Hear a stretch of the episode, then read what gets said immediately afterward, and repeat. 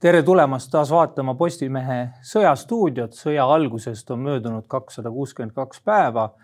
ja nende päevade jooksul on Venemaa korduvalt viidanud võimalusele, et kasutab Ukrainas tuumarelva. tuumasõja oht Ukrainas on teema, mille kohta on öeldud, et ainuüksi selle üle niimoodi mureliku näoga arutlemine teenib kuidagiviisi Kremli huve, aga sama võib paradoksaalsel kombel öelda ka selle teema hirmunud vältimise kohta ja just hirmude hajutamiseks oleme täna stuudiosse teemat selgitama kutsunud kaks Eesti juhtivat julgeolekueksperti ja Riigikogu liiget Marko Mihkelsoni ja Eerik-Niiles Krossi. tere tulemast. tervist. tervist. no Sõjastuudios on kombeks alustada ülevaatega viimastest arengutest, mis lahinguväljal on toimunud ja kuidas see Ukraina või Venemaa tuleviku väljavaateid mõjutab see, mis toimunud on no viimane nädal on olnud äh, üliedukas äh, ukrainlastele. Äh, ilmselt on enamik Ukraina huvilisi vähemasti jälginud suure rõõmuga seda, et, et lõpuks on siis vabastatud Hersoni linn, mis oli ainukene oblasti keskus, mille venelased suutsid veebruaris-märtsis okupeerida. et mõnes mõttes sümboolne jälle, et kui noh, siin võibki lugeda neid suuri Ukraina võite, et esimene selline sümboolne ja murranguline oli Kiievi lahinguvõit, kui venelased taandusid Kiievi alt. siis sellele järgnes Harkovi oblast ja suur vastupealetung septembris, kus võeti suur tükk maad tagasi. ja nüüd on siis selline kolmas äh, lahingtandri edu äh, äh, kogu Dnipro jõe parem kallas ja, ja Hersoni linn no siin on arutletud selle üle, et äh, kuidas ikkagi, mis nüüd juhtus, kas ukrainlased äh, kuidagi magasid midagi maha, et venelased äh, justkui said oma paarkümmend tuhat arvatavasti sõdurit sealt minema, võib-olla ka suurema osa relvastusest, et kas see on kuidagi nüüd mingisugune aps. noh, tegelikult on muidugi see jutt natukene ikkagi naeruväärne, et puhtsõjaliselt see ukrainlaste operatsioon oli äh, hiilgavalt läbi viidud, et nad äh, võtsid endale aega, nad hakkasid juba seal septembris äh, tulistama mitmesuguseid Vene järelveo sõlmi, sildu. tegelikult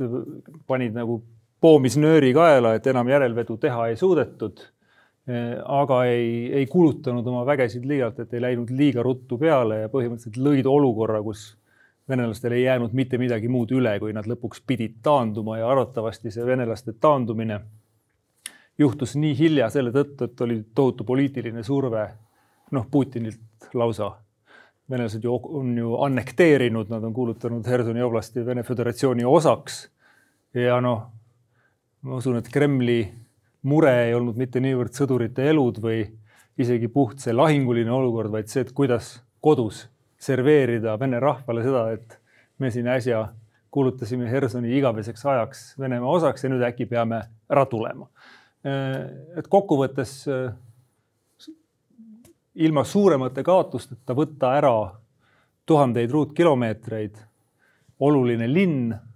noh, see on äh, kindlasti selline sõja ajalukku minev, äh, minev operatsioon ja tuleb olla igati rahul. iseküsimus, mis nüüd sõjas edasi saab. no samal ajal kummalisel kombel ikkagi ka Washingtonis tuleb, noh, lekib mingisuguseid killukesi välja üleskutseteks rahuläbirääkimistele olukorras, kus Ukraina käes on initsiatiiv, et Marko Mihkelson, mis seal taga võib olla?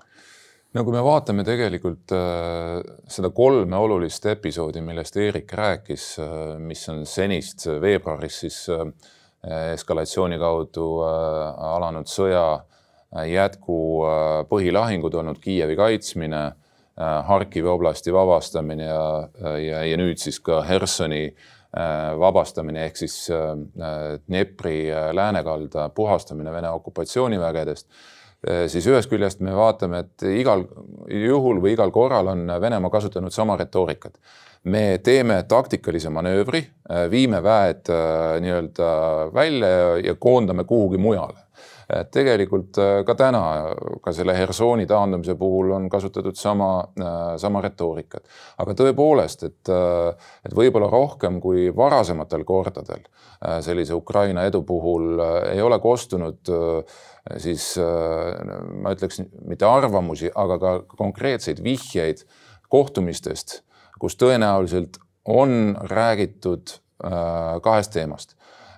ja kohtumistest, mis puudutavad siis Ühendriikide ja, ja, ja Venemaa äh, ütleme siis saladiplomaatiat või, või, või sellist tagaukse diplomaatiat.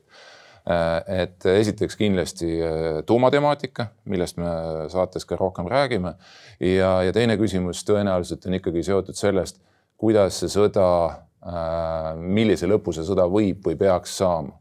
ja millised on võib-olla siis äh, Venemaa või ka lääneriikide, ennekõike Ühendriikide valmisolekud, millistest noh, nii-öelda ma ei ütleks, et järeleandmistest, aga millisest äh, võimalikust sõja lõpust rääkida, me ei tea seda, aga, aga tõesti, kui siin on informatsioon, et äh, Sullivan on kohtunud oma või rääkinud oma siis vastaspartneriga Venemaalt, Patrusheviga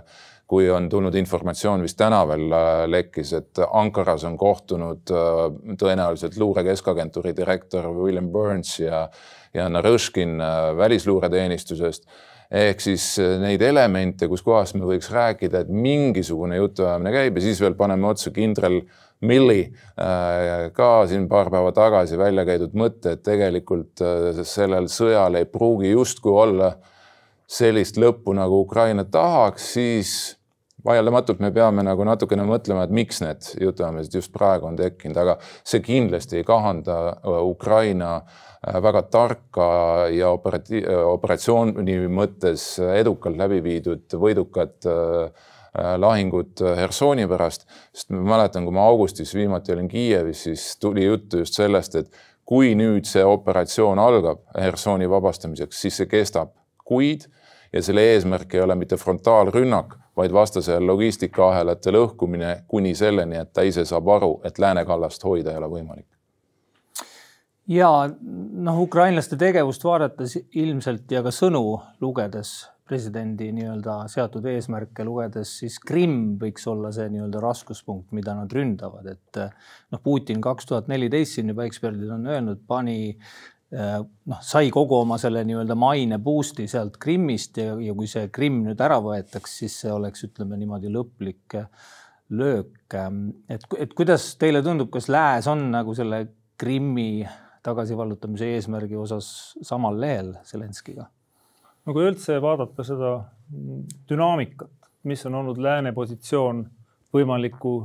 sõja tulemuse osas ja, ja läbirääkimiste osas ja kuidas peaks rahuläbirääkimistesse, no mis kunagi lõpuks ikkagi tulevad, et kuidas sinna peaks sisenema, siis tegelikult on äh, see dünaamika olnud tänu Ukraina võitudele lahingtajandilt Ukrainale kasuks. et kui sõja alguses eeldati, et Ukraina kaotab kohe ja noh, oli, oli näha, et juba mõeldakse, et millal saab minna Putiniga läbi rääkima ja, ja kui, kui väikse või kui suure tüki me peame ära andma Ukrainat, et, et stabiliseerida olukord. noh, varsti jõuti siis ikkagi tõdemuseni, et ilma Ukrainata äh, Ukrainast ei räägita äh,. aga noh, lihtsalt kui mõelda, et see asjaolu, et seda on olnud tarvis deklareerida korduvalt, see tähendab seda, et see ei olnud enesestmõistetav oli vaja üle kinnitada, et tõepoolest me ei räägi Ukraina selja taga äh, Ukrainast, Ukraina tingimustest, nõnda edasi. noh, midagi räägitakse ilmselgelt ka Ukraina selja taga, aga loodetavasti siiski Ukraina teadmisel. eks see, eks see kunagi tulevikus selgub. Ja on selge, et äh, kui Ukraina jaoks on sõja eesmärgid paika pandud, deklareeritud ja seal ei ole mingit kaheti mõtlemist. territoorium vabastada, reparatsioonid Venemaalt, sõjakurjategijad kohtu alla ja noh, siis äh, võib rahulepingule alla kirjutada. Äh, no vahepeal on ka öeldud, et äh, läbirääkimised on ainult võimalikud järgmise Vene valitsusega. seda ilmselt ameeriklaste palvel on praegu nagu mitte korratud. Ähm, aga kõik muud eesmärgid on paigas. nüüd, mis on lääne deklareeritud eesmärgid selles sõjas. noh, ja ütleme, oleme ausad, need on pisut ebamäärased, on see standardlause on selline, et me seisame Ukraina kõrval või noh, me aitame Ukrainat as long as it takes. nii kaua, kui see võtab. ja nüüd niikaua, kui see see on defineerimata, et mis see see siis on. Eh, niikaua tegelikult on ka võimalik eh, igasugustel ka kõrvalseisjatel ja tahtjatel, sehkendajatel rääkida, et nüüd oleks kohe vaja hakata rahuläbirääkimisi pidama. nüüd me peaksime siin Venemaa huve arvestama, Putini nägu päästma ja nõnda edasi. ja arvatavasti on mure mm, ka Washingtonis ikkagi see, et, et ei ole jõutud kokkuleppele ka siseringis, et mis on siis see lõpplahendus. täna öeldakse, et rahu peab olema territoriaalse terviklikkuse ja suveräänsuse printsiipidel tuginev. aga see on umbes samasugune jutt, et Jüri Ratas teeb, ei tee koostööd EKRE põhimõtetega. et mitte territoriaalsel terviklikkusel ja suveräänsusel endal, vaid selle põhimõttel. noh, see tähendab seda, et ei tunnustata Krimmi Venemaa osana. aga de facto on seal ilmselt mingisugused territoriaalsed ajutisedki kontsessioonid võimalikud Washingtoni arvates. nii et eks see, eks see loksub paika, aga veel kord ka lääne positsioonid on tugevnenud ja, ja lõpuks paistab, et ikkagi nii on, et Ukraina on esiteks võidelnud endale välja selle õiguse öelda ise kõigepealt, millal ta rahuläbirääkimisi alustab ja kas alustab ja, ja mis tingimustel. kõik kordavad seda, et jah, Ukraina ütleb seda ise. ja teiseks hakkab jõudma kohale lääne pealinnades, et Ukraina võit on võimalik sest seda ikkagi, oleme ausad, veel kuus kuud tagasi peeti väga ebatõenäoliseks. ja ma arvan, et see on kõige hirmutavam. see on selles kontekstis, mis praegu toimub või millest me enne rääkisime just, et miks need on äh, siis äh, võimalikud sellised mõttearendused rahust, vaherahust äh, viitavad tegelikult sellele, et ühest küljest ma olen nõus, Eerik, mis sa ütled, et mitte ainult Washingtonis, noh tervikuna siiski lääneriikides, eks ju, puudub arusaamine milline see äh, sõja lõpp peaks välja nägema, ennekõike mitte selles kontekstis, kuidas Ukraina äh, ja isegi ka Ukraina puhul, et kas Ukraina näiteks saaks NATO liikmeks või mitte, kui ta on oma territooriumi vabastanud. ma arvan, et siin me oleme ka veel päris kaugel, kuigi see oleks üks kõige paremaid lahendusi sellele sõjale. aga teine asi, mis mulle tundub ikkagi üha rohkem paneb nii Sullivanide kui teiste äh, nii-öelda peas mõtted liikuma, on küsimus, mis saab Vene tuumarelvadest mis äh, saab Venemaa sisemisest olukorrast ja loomulikult ka noh, nii-öelda enne seda, kas tekib selles sõjas e-, episood või episoode, kus äh, siis ähvardus, millega on hirmutatud, šantažeeritud maailma ehk kohe-kohe me oma territooriumi kaitseks võtame kasutusele tuumarelva, näiteks taktikalise tuumarelva, et kas tekib olukord, kus kohas seda võidakse ka rakendada ehk siis, äh, et ma arvan, et põhiline küsimus on selles ja tuletame korraks meelde üheksakümne esimest aastat, kui Nõukogude Liit hakkas kokku kukkuma, siis äh, president Bush, vanem Bush käis ju üheksakümne esimese aasta augustis, esimesel augustil käis veel Kiievis ja, ja ütles ukrainlastele, et jumala pärast, ärge liigutage seda paati, eks ju, et äh, võtame rahulikult, küll see liit võib-olla laguneb, kui ta laguneb, aga põhieesmärk ja mure oli ikka seotud sellega, et tuumarelvad ei läheks liikvele. ta ütles, et iseseisvus ei ole sama, mis vabadus aga tuleme selle tuumaohu juurde ka, noh, millest väga rääkida ei taheta, sellepärast et kardetakse lolliks jääda. lolliks noh, ilmselt jäädaksegi seetõttu, et noh, maailma õnneks seni ainsa tuumasõja veteranid on vist kõik juba manalateel, et ei ole nii-öelda spetsialiste, et see kõik on niisugune teooria, seal taustal on olnud selline külma sõja aegne geopoliitiline etendus, kus siis noh, mingite signaalidega, mida siin on ka Ukraina sõja antul,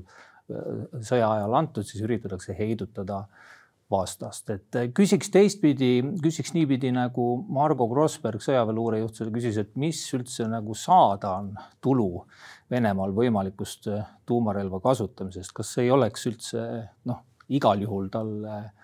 äh, kahjulik pigem samm, et võtaks nagu, alustaks nagu sellest otsast. nojah, kui, kui sellele küsimusele vastata, siis äh, äh, nii saab muidugi küsida aga Venemaa puhul kipub olema niimoodi, et see meile arusaadav või üleüldse laiemalt lääne, lääne tsivilisatsioonis mõistetav kasu-kahju, hea-halva dimensioon või see kontseptsioon ei pruugi töötada. et. see on see müstilise Venemaa kontseptsioon. et Venemaa on näidanud ja ka öelnud seda nüüd viimasel ajal jälle, et nemad on valmis hirmsasti kannatama selle nimel, mitte et teistel oleks parem, vaid et teistel oleks veel halvem. nii et et kui on halb, siis olgu kõigil halb ja meil, meil ei ole sellest lugu, et sellist desperaatset ja messiaanlikku niisugust veidrat hoiakut seal on. Eh, nii et selle peale ainult loota, et ratsionaalselt seletada, et sellest on teil ainult kahju ei maksa. ja ilmselt me ei aga, räägi ka praegu Putiniga siin. aga mida ilmselt, mida ilmselt no, no ütleme, mulle on tundunud nii, et, et selge see, et, et nii kindralid kui Putini ümbruskond on talle ikkagi selgeks teinud või seda on ju kindlasti seal arutatud, et puhtsõjaliselt tuumarelva, taktikalise tuumarelva kasutamine tal seda mängu ei muuda. ta ei, sõda ta ei võida sellega. ja jah, kindlasti tuleb väga raevukas rahvusvaheline reaktsioon. Küllap on ka hiinlased andnud mõista, et see neile ei meeldi mis tähendab, et ka need vähesed neutraalsed suurriigid, kes on jäänud praegu selles sõjas, noh, eriti siis Hiina ja India, noh, sel juhul ühineksid lääne plokiga, Venemaa jääks ikkagi päris üksi. kõike seda ta ilmselgelt teab. ja vaevalt, et see nüüd lükkab teda tuumarelva kasutama. aga mis võiks seda teha, on see, kui ta arvab, et see õnnestub, sellega ta õnnestub kuidagi võimule jääda ma usun, et see risk tekib sellel hetkel, kui Putin tõepoolest hakkab, tema, tema kamp hakkab võimu ja kontrolli kaotama Venemaa üle. ja selle vastu aitab see, et kui talle selge sõnaga öeldakse, et, et võib-olla sa säilid võimul selle sõja läbi ja kaotad, võidad, ei tea, aga sa kindlasti ei, ei, ei jätka Venemaa juhina, kui sa kasutad tuumarelva, et kui see sõnum on, on selgelt talle lääne poolt edasi antud, siis ma usun, et see tuumarelva kasutamise risk ka väheneb väga märgatavalt. no me võiks vaadata isegi veel kaugemasse kui selle aasta veebruari, eks ju, et tegelikult rääkis ju Putin esimest korda tuumarelva kasutamise võimalusest kahe tuhande neljateistkümnenda aasta kevadel kuid mäletatavasti ta andis pikema intervjuu Vene propagandakanalile, kus ta siis meenutas seda Krimmi okupeerimist ja annekteerimist ja ütles välja, et ta tegelikult oli valmis siis juba äh, olukorra nii-öelda mõjutamiseks, temale positiivselt võtma kasutusele tuumarelva. ehk siis tegelikult seda äh, tuumašantaaži on kasutatud pidevalt ja see on olnud kindlasti üks element, kuidas äh, Putin ise või siis Venemaa on testinud äh, lääne valmisolekut, äh, kas langetakse totaalsesse paanikasse, hirmu, ollakse valmis ükskõik mille üle kokku leppima või sealt tulevad need vastused, mida Eerik mainis, et kui sa seda kasutad, siis on taktikalist tuumarelva näiteks, siis on eskalatsiooni kontekst see, et, et see ei vii sõja lõpuni, nagu te loodate, et eskaleerime, et deeskaleerida, vaid vastupidi, et sellele järgneb kas konventsionaalne või ka tuumarelva äh, nii-öelda pariteetne löök. Äh, nüüd küsimus on äh, pigem selles, et ja, ja küsimus, kas üldse on episoodi või sellist arengut ette näha, kus kohas Venemaa võiks väga tõsiselt teha otsuse, et alustame nende sammudega, mis kogule maailmale näitavad, et jah, nad liiguvad tuumarelva kasutamise suunas ma tuletan meelde, et see ei ole lihtsalt niiviisi, et äh, vaatajale, et, et Putin hommikul ärkab üles ja mõtleb, et nüüd võiks kasutada tuumarelva. et selleks äh, ikkagi on oma protseduur, mitte ainult see, et mitu nuppu peab vajutama, aga ka see, et äh, tuumarelv kui selline ei, ei paikne rindejoonel. teda peab tegelikult äh, käitlema eelnevalt äh,, valmistuma ette, näit-, noh, see, see, see kõik on tegelikult maailmale näha, kui nad seda teeksid aga minu arvates me peame mõtlema seda, et mis on selle sõja tähendus, võib-olla ka Putinile, mitte ainult isiklik võim. see on võib-olla isegi äh, viimane äh, teema selles, et ma arvan, et Putinit ja kogu seda nii Patrushevi kui teisi juhib äh, selgelt soov ja tahe Vene impeerium taastada. Selleks on see sõda ju alustatud ühel mõtte, ühemõtteliselt ja kui selle sõja äh, nii-öelda võimalik tulemus äh, tähendab seda, et Vene impeeriumile mitte ainult ei kaevata haud, vaid ka see nii-öelda Vene impeeriumi enda võimalus tulevikus taas kehtestuda kunagiste impeeriumi alla kuulunud territooriumide vallutamise kaudu muutub võimatuks, no näiteks Ukraina liitumine NATO-ga või vähemalt väga raskeks siis äh, mingis situatsioonis, võimalik, et Krimmi kontekstis, võimalik, et veel mingis kontekstis ei saa välistada, et need nii kaugele läheksid, et seda tuumarelva äh, ma ei ütleks, et kasutaks, aga näitaks, et nad on kohe-kohe valmis midagi tegema. Ja siis on küsimus selles, et kas läänel on jätkuvalt piisavalt ressurssi Ukrainat toetada nii poliitilist kui sõjanduslikku ressurssi, sest kui me oleme siin viimasel ajal analüüsinud seda, et, et milline on näiteks Venemaa valmidus seda sõda veel aasta või kaks sama intensiivselt pidada, siis ausalt öeldes äh, üldine arusaamine on see, et, et ikkagi kusagil järgmise aasta suvekuudel võib tekkida päev X, kus kohas ei ole enam moona nii palju, et torudest tulistada vastase pihta. Ja ma ütleks, et kui me vaatame, milline on äh, Euroopa liitlaste ja ka tegelikult lõpuks ameeriklaste valmisolek äh, samas mahus äh, Ukrainat toetada puhtfüüsiliselt, siis ilma kaitsetööstuse kiire äh, nii-öelda rakendamiseta selle taha ei, ei ole võimalik sama intensiivsust hoida, nii et, et siin on mitmeid elemente, mis, mis mida tuleb silmas pidada ja kindlasti ka poliitiline kalender. kahe tuhande kahekümne neljanda aasta valimised mitmel pool ja, ja, ja muud arengud no seda Putini hullumise juttu või ka surmava haiguse juttu oleme ka tuumaauga seoses äh, kuulnud, kas äh, ei võiks püstitada ka vastupidist väidet sellele, mis on kõlanud, et äh, juhul kui tsaar on hull, et siis millegi nii destruktiivse kordasaatmine oleks talle pigem raskendatud, sellepärast et noh, režiim, ülejäänud režiim, kollektiivne Putin mõtleb ka enese ellujäämise peale kollektiivne Putin üsna tõenäoliselt oleks kummaline, kui nad praeguseks juba ei mõtleks ikkagi vähemasti pool päeva sellest, kuidas iseennast päästa ja ainult ülejäänud aja sellest, kuidas päästa Putini režiim. nii et kindlasti seal ja noh, seda on ju ka üksikutest avaldustest ja ja mõningatest sellistest rabedatest otsustest, mis Kremlist tulevad, on näha, et see natukene ikkagi rebeneb, see asi, et nad ei kontrolli päris otsustusprotsessi mis puudutab tema nõndanimetatud rasket haigust, millest räägitakse ja väga palju kuulujutte on või siis, et ta on nagu täitsa hulluks läinud. et noh, sama, samasugust juttu muide ka levitati kaks tuhat neliteist natukene. ma usun, et vähemasti osa sellest äh, tuleb sealtsamast Kremli siseringist, et noh, et lihtsalt, et see on veel osa heidutusest, et ärme igaks juhuks äh, ärrita äh, hullunud meest, et võib-olla vajutab tuumanuppu et ülemäära tõsiselt ei, ei, ei maksa seda võtta. minu arvates see on suurepärane KGB desinformatsioonikampaania äh, juhtida tähelepanu nagu kõrvale või anda, luua mõte, et küll see läheb niikuinii mööda, eks ju, et, et noh, et äh, nii palju, kui mina olen aru saanud, ma või, või ütleme siis niiviisi näinud erinevaid analüüse, siis äh,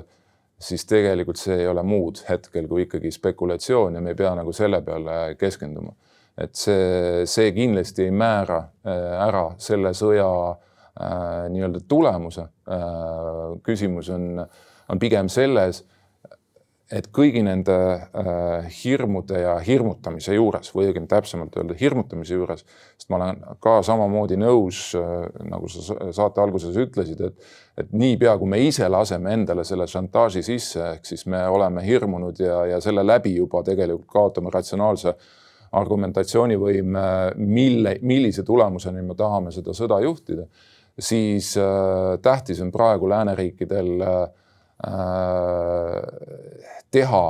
proaktiivselt sammud, mis tegelikult äh, võtaksid Venemaalt võimaluse selle tuumarelva kasutamiseks. Ja ma ei pea silmas kuidagiviisi neutraliseerida nende võimalust tuumarelva kasutada, aga jätkata Ukraina toetamist, sest kõik need sammud, mis siiani on ka Ukraina teinud, kaasa arvatud Hersoni äh, vabastamine, mis on ju äh,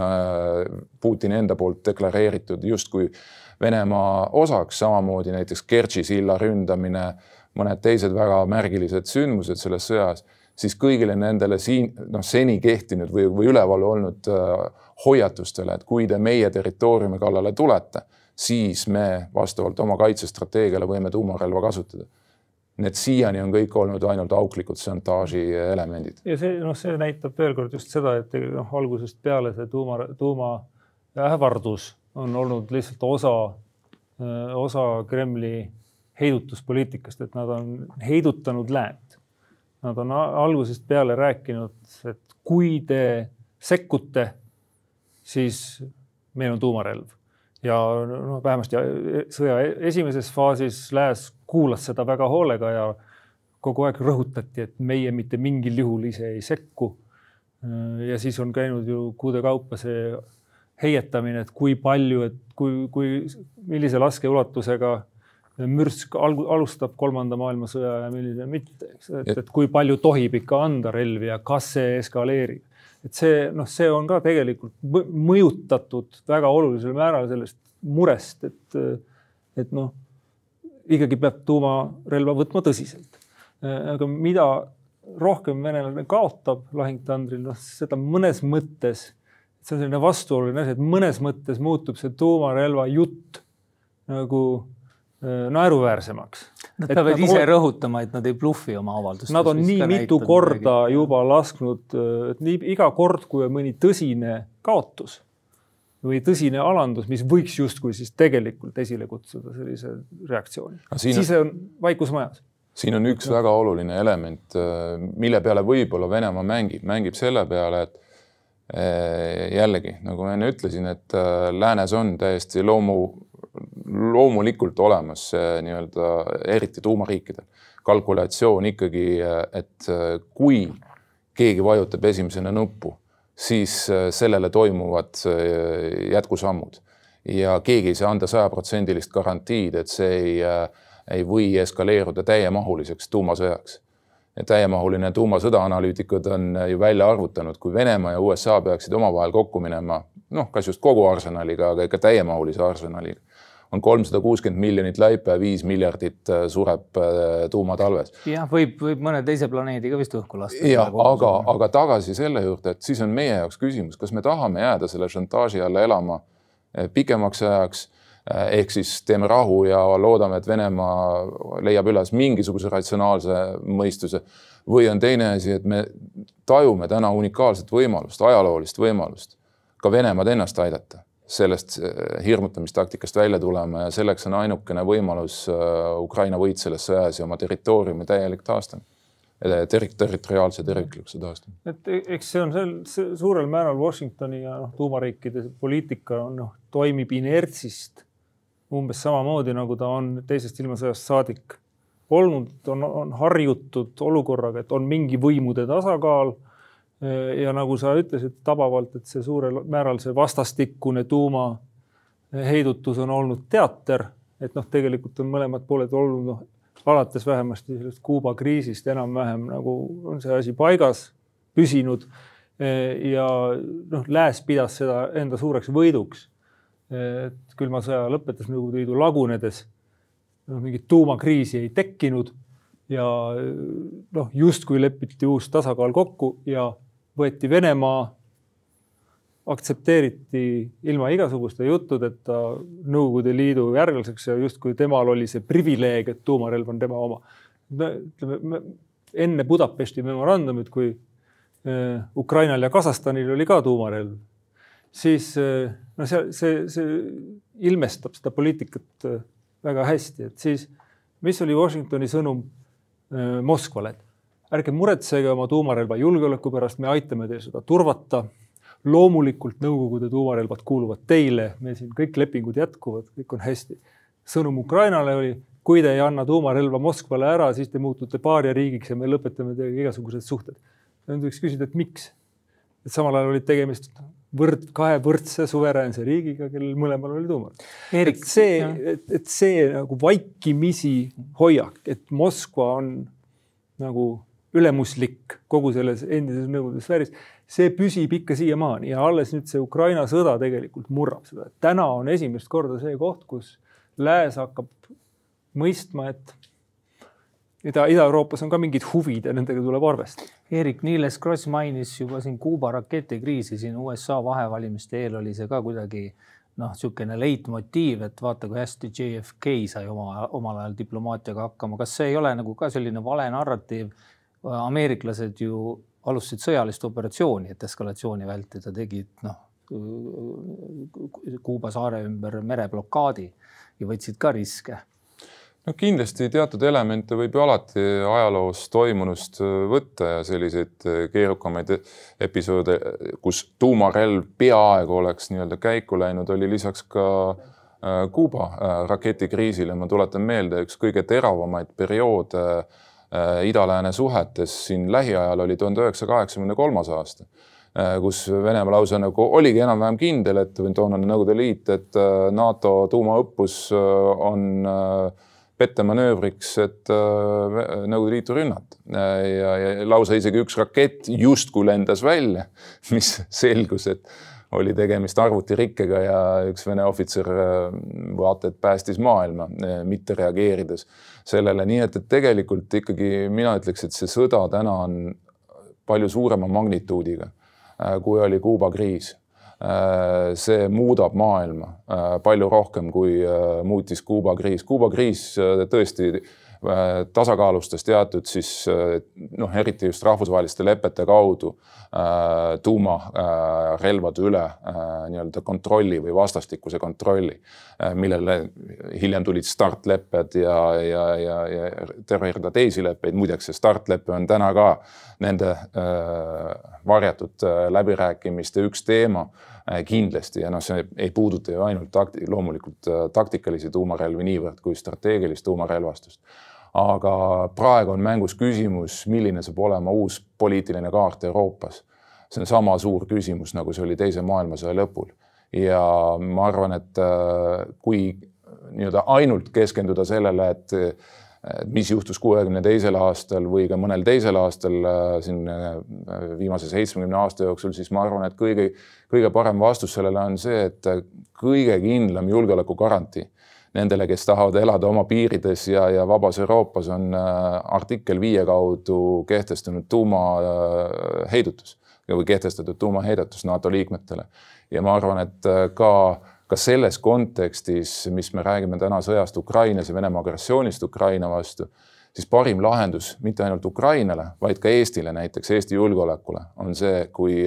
selle sõja lõpptulemuseks oleks Ukraina liitumine NATO-ga. ükskõik, isegi ma ütleks, et ükskõik millistes piirides. et äh, kindlasti on teema number üks on Sevastopoli tulevik äh,, kuhu ta kuulub, loomulikult meie tahaks, et Ukraina lipp seal lehviks aga ei saa välistada, et selle üle võidaks, võib ka Ukraina ise olla ühel hetkel nõus äh, rääkima.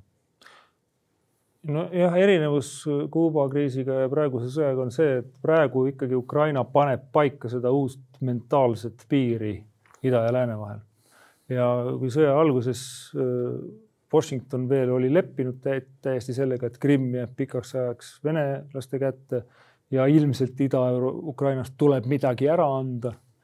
ja Ukrainast tekib mingi puhvertsoon, noh siis täna ei ole see sugugi, sugugi nii selge. Kuuba kriisis äh, üritas Venemaa muuta seda ka nii-öelda jõudude tasakaalu mingil määral, näidata jõudu, viia raketid Kuubale. Äh, seal erinevus on selles, et seal panid ameeriklased käe ette kohe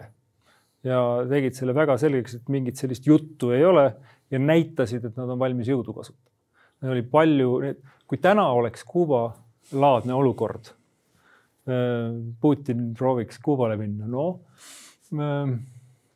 tänased poliitikud võib-olla ütleksid, et me siin mõistame legitiimseid Vene julgeolekumuresid ja ei olegi mingit väga, väga suurt kriisi. siia lõppu mm. hästi kiirelt küsiks kommentaari Hiina liider Xi Jinping äh, Saksa liidu kantsleriga kohtudes ütles, et Hiina tuumasõda ei taha. no loomulikult diktaatorid igasuguseid rahusõnumeid on varmad andma Äh, aga kas te nõustute väitega, et Hiina on ikkagi üllatavalt vähe toetanud Venemaad selles, kogu selles Ukraina asjas? ma ei ütleks, et see on nagu üllatavalt vähe, et äh, Hiina teeb täpselt nii palju, nagu temale vaja on. ja, ja kindlasti ei ole talle vaja äh, segadust, mille võiks isegi tekitada kasvõi ühe taktikalise tuumarelva kasutamine. ma tuletan lihtsalt meelde, et mitte kunagi ei ole, eks ju, taktikalist tuumarelva kasutatud ja see kindlasti noh, me võime ükskõik kui palju spekuleerida ja stsenaariumeid luua, keegi ei tea, kuidas see sündmuste ahel võiks minna ja kindlasti Hiina liidrile, kes äsja just kindlustas oma ainuvõimu Hiinas, sobiks kindlasti paremini see maailm, kus oleks tema jaoks ettearvamatust vähem, et ta suudaks ise oma reegleid püüda siis kehtestada. see ei tähenda seda, et ta ei tooda tuumarelvi. kindlasti tuumarelvade arvukus kasvab tõenäoliselt Hiinas ennekõike. ja, ja, ja noh, on, on ilmselge, et ka, ka praegune sõda näitab, et tuumarelvad on võib-olla ühed määravamad heidutusmeetodid väga suur tänu, Marko Mihkelson ja Eerik-Niiles Kross Riigikogust teemat kommenteerimast. tänases saates rääkisime siis sellisel hirmutaval ja keerulisel teemal nagu tuumasõja oht Ukrainas ja nagu kuulsime, siis äh, tuumaähvardused on tavapärane osa Venemaa julgeolekudiplomaatiast ja võib-olla alati, kui seda ka uudistest loeme, ähm, et keegi kuskil jälle on ähvardanud mingisuguse sammuga, mis võiks viia Äh, tuumasõjani, et siis äh, kõike seda tasub võtta